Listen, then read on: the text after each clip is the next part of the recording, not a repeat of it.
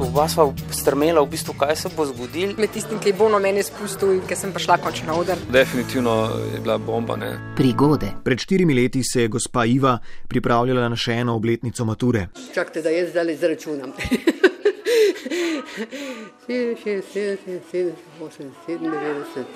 7, recimo vsaj 52. Z nekdanjim sošolcem sta bila dogovorjena, da jo pobere z avtom. In je čakala kolega ob cesti, hodila po nekaj metrov v eno in drugo smer, ter na ta način nabirala minute. Prevoz je pač zamujal. In tule v tem vogalu je eno ogromno, staro, visoko, raz, razraščeno drevo, ogromno.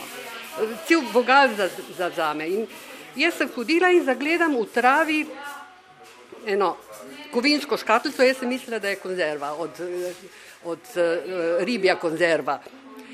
Pa če hodim, pa se nekaj pa dejo poberi, pa je vržil smeti, se tlele smetnak, da ne bo.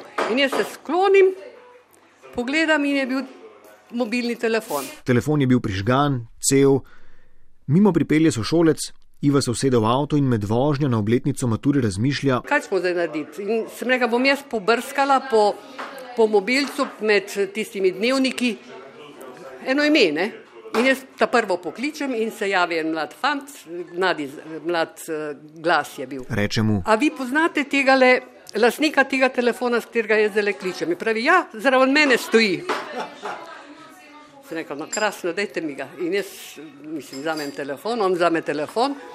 In sem rekla, kje pa ste, da se mi dva dogovoriva, uh, kaj, kje in kako, da vam jaz tale telefon dam. Ne? Pravi, jaz sem v Mariboru, sem rekla, ja, lepa reč, jaz sem pa v Ljubljani. Kaj pa zdaj? In se dogovorita, da se lasnik telefona še isti dan ustavi v restauraciji, kjer je z nekdanjimi sošolci uživala na obletnici mature. No, in čez kako dve ure, dobre dve ure, pozvoni telefon in jaz pogledam in stojita pri vhodu dva fanta mlada. Sem pomahala, prideta zraven, k mizi naši. Sta se predstavila, jaz sem rekla, da vam dam telefon. Sem rekla, kje a kaj veste, kje ste ga zgubili? Na, mislim, na kak način ste ga zgubili.